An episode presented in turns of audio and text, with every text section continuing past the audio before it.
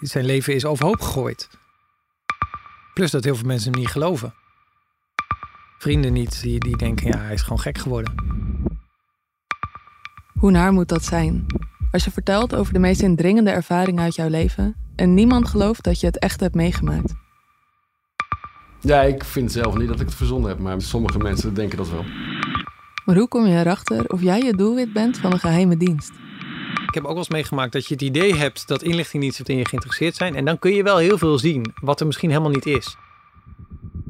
Als ik s'avonds nog iets ging eten, dan volgden die mensen mij naar het restaurant.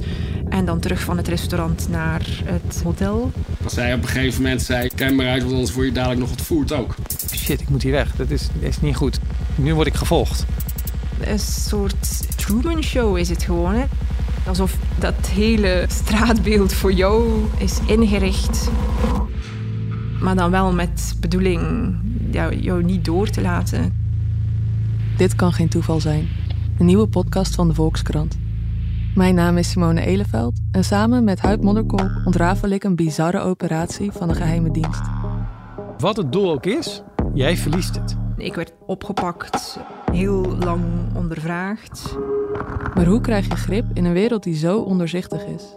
Als je zou liegen, dan zou je niet de meest relevante informatie twee jaar later tussen neus en lippen doorvertellen. Er zal nooit iemand zeggen, oké Bart, ik geloof je. Nooit, nooit. Dit kan geen toeval zijn. Vanaf 3 oktober bij de Volkskrant. Ik weet niet of ik je ook alles kan vertellen. Het is echt te bizar. Wat? Ehm, ja,